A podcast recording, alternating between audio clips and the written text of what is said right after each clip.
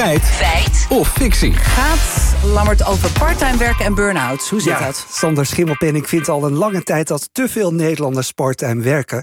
In College Tour kreeg hij de vraag: zorgt fulltime werken dan niet voor meer burn-outs? En zijn antwoord is opvallend. Heeft niets te maken met het aantal gewerkte uren. Burn-outs in Nederland komen vaker voor bij mensen die parttime werken. Die zijn namelijk allerlei dingen aan het combineren en dat is pas echt stressvol.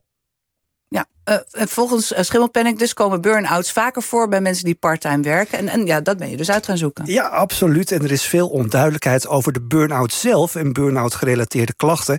En daarom belden we eerst even met Christian Vinkers. Hij is hoogleraar stress en veerkracht aan het Amsterdam UMC. En schreef een boek over burn-outs. En hij schept duidelijkheid. Burn-out klachten en burn-out worden vaak door elkaar gehaald. Burn-out, daarmee wordt vaak de, de, de ziekte bedoeld, hè? Dat mensen ziek thuis komen te zitten. En burn-out klachten, dat is eigenlijk gewoon een vorm van lichte stressklachten die heel veel mensen hebben. En die weinig met dat, uh, die ziekte, hè, dat ziek thuis zitten met de burn-out te maken hebben. En dat is nogal verwarrend. Ja, inderdaad nogal verwarrend. Want in de uitzending bij College Tour heeft Schimmelpenning het over burn-outs.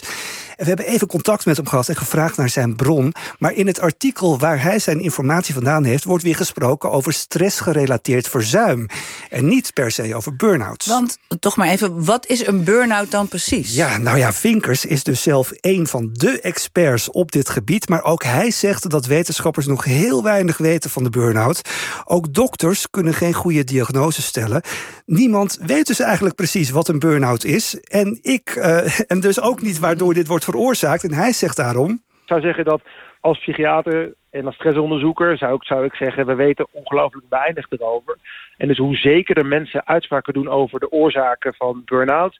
hoe meer ik ze zou wantrouwen. Ja, en daarom kan hij zich niet vinden in de uitspraak van Schimmelpenning. Oké, okay, dan gaat het over de burn-out. Maar als je dan kijkt naar die burn-out gerelateerde klachten Klopt dan die bewering, bewering van Schimmelpenning wel? Ja, dat vroegen we Swanneke van den Heuvel. Zij werkt voor TNO en samen met het CBS publiceert ze elk jaar... de nationale enquête arbeidsomstandigheden. Onder meer over burn-out klachten. En zij leest heel veel onderzoeken. Wat ik zelf wel vaak in ander onderzoek tegengekomen ben is dat mensen die parttime werken meer last hebben van burn-out klachten. Dat, dat kom je vaak tegen. Maar je moet hier niet te snel conclusies aan verbinden, zegt ze. En dan lijkt het zo in de cijfers van... hé, hey, uh, die parttimers die hebben meer burn-out klachten. Dus parttime werken is helemaal niet goed. Ja, zo simpel ligt het dus niet. Dus het is, het is vaak omgekeerd. Zo van, doordat die klachten er al waren, gaan mensen parttime werken. Mensen nemen zichzelf, zegt zij, dus al in bescherming door minder te gaan werken. Ja, en dat zegt niet alleen zij, maar ook Jurian Penders, medisch directeur van Arbodienst Human Total Care.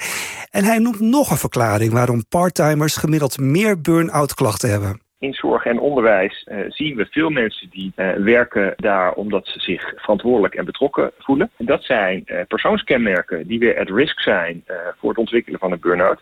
En je ziet dus ook dat met die hoge aantallen parttimers in het onderwijs, je, je, juist daar ziet dat er ook meer uitval is door, door burn-out en burn-out-achtige klachten. Dus er is ook een beetje kip-ei uh, daarin. Oh ja, dus, dus komen burn-outs vaker voor bij mensen die parttime werken dan? Ja, stressgerelateerde klachten en stressgerelateerd verzuim komen zeker vaker voor bij mensen die parttime werken. Dat is een feit, maar dus ook een kip-of-ei verhaal. Maar over burn-outs zelf, de ziekte, weten we volgens hoogleraar Vinkers zo weinig dat je hierover weinig stellige uitspraken kan doen. Dus dat is toch fictie.